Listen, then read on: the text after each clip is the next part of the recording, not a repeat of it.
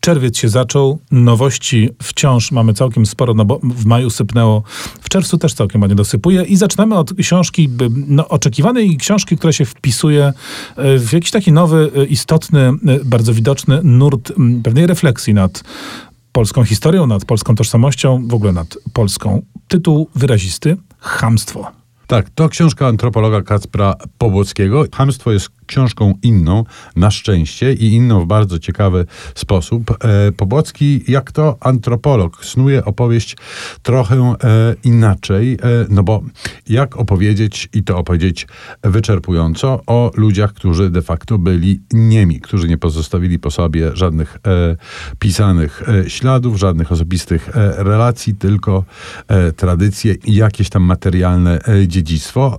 Udaje się tą niemość Pobłockiemu przełamać. To nie jest historia e, z cyklu ucisk wzrastał. Takie historie są oczywiście potrzebne i takie historie należy czytać e, i pisać, ale to jest mm, próba odpowiedzi na pytanie, jacy byli, kim byli e, i dlaczego byli nasi przodkowi. Koncentruje się Pobocki w momentach tej książki na różnych rzeczach, a to na ciele na przykład, a to na przemocy, a to na języku. I rzeczywiście czytając ten esej, jesteśmy w stanie tego naszego e, mitycznego, chłopskiego, niepoznanego przodka jakoś odtworzyć i spojrzeć mu w oczy, co doświadczeniem jest, muszę przyznać, wstrząsającym. Nie samą Polską, jednak człowiek żyje. Trzeba sięgać też w dalsze regiony, no i jak się można było po mnie spodziewać, ja teraz przekieruję naszą uwagę do Ameryki Łacińskiej, a pretekst mam doskonały, ponieważ właśnie ukazuje się świeżuteńki tom, antologia pod tytułem Dziobak literatury, reportaż reportaże latynoamerykańskie.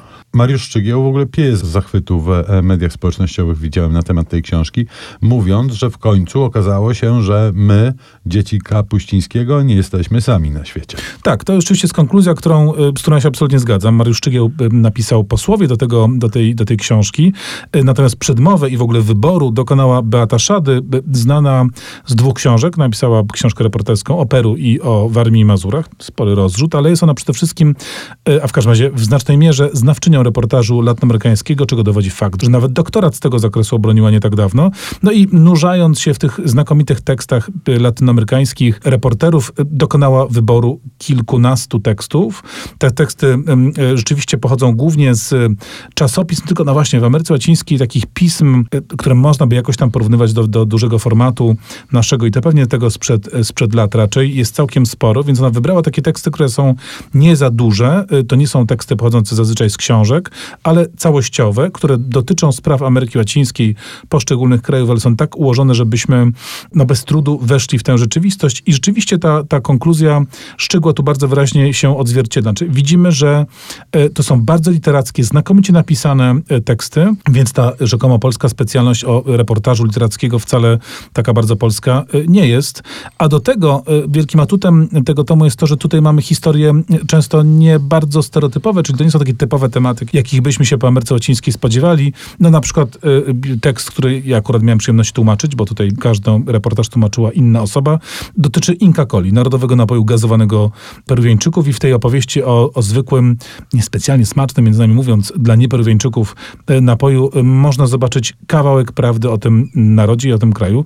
Bardzo interesujący wybór i bardzo różnorodny. Mam nadzieję, że to jest początek jakiegoś boomu latynoskiego reportażu, bo byłoby co wydawać. No, żeby taki boom nastąpił, to musi się pojawić jakiś rewolucjonista bądź rewolucjonistka na miarę Che Guevary. Być może Beata Szady właśnie tę rolę weźmie na swoje barki, a my na cześć Che Guevary posłuchamy utworu Tomku czyjego?